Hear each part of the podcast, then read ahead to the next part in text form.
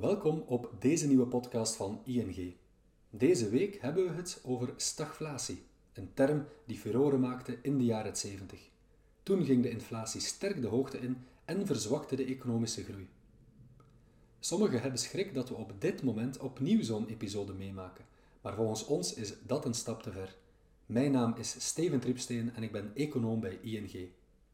De recente stijging van de energieprijzen heeft niet alleen een domper gezet op de opvatting dat een hogere inflatie van voorbijgaande aard is, maar heeft ook een term in herinnering gebracht die de economische wereld in de jaren 70 de stuipen op het lijf joeg: stagflatie.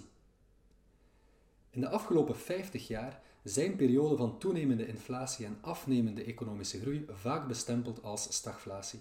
Ook al heeft zich vrijwel nooit een echte herhaling voorgedaan van wat we in de jaren 70 meegemaakt hebben. Destijds was stagflatie het gevolg van diverse energiecrisissen en acute logistieke problemen. Als gevolg daarvan krompen de economieën, steeg de werkloosheid en kwamen valutaregimes onder enorme druk te staan. Tegenwoordig zijn de geïndustrialiseerde economieën veel minder afhankelijk van energie, zowel wat het particuliere verbruik als wat de industriële productie betreft. Bij gevolg heeft een stijging van de energieprijzen niet dezelfde economische impact als in de jaren 70. De huidige stijging van de energieprijzen en de vertraging van de economieën zijn nog steeds niet te vergelijken met de ervaring van de jaren 70. Laten we niet vergeten dat de meeste geïndustrialiseerde economieën op dit moment al het niveau van voor de pandemie hebben bereikt, of dat binnenkort zullen bereiken, en dat de werkloosheid afneemt. Maar de ervaring van de jaren 70 hebben ons wel een belangrijke les geleerd, namelijk dat een steeds verder oplopende loonprijsspiraal, indien te laat ontdekt, alleen kan worden gestopt door agressieve renteverhogingen.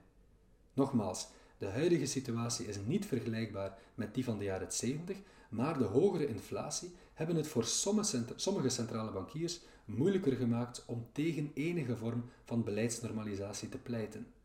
Maar op dit moment lijken zowel de Amerikaanse als Europese centrale bank ervan overtuigd dat de kosten van een te late normalisatie lager zijn dan de kosten van een te vroege normalisatie. Het zal geen gemakkelijk proces zijn, maar wij verwachten in de komende maanden het begin van een beleidsverschuiving.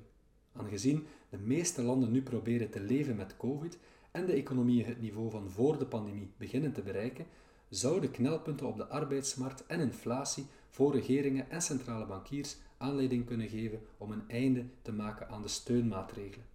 We verwachten dat dit veel sneller zal gebeuren in de Verenigde Staten dan in de eurozone, omdat de inflatie in de VS een stuk hoger ligt. Zo, dit was de podcast van deze week. Toenemende inflatie zorgt zeker en vast voor wat stress bij centrale bankiers, maar om nu al over stagflatie te spreken is het volgens ons veel te vroeg. Bedankt om te luisteren en tot de volgende keer.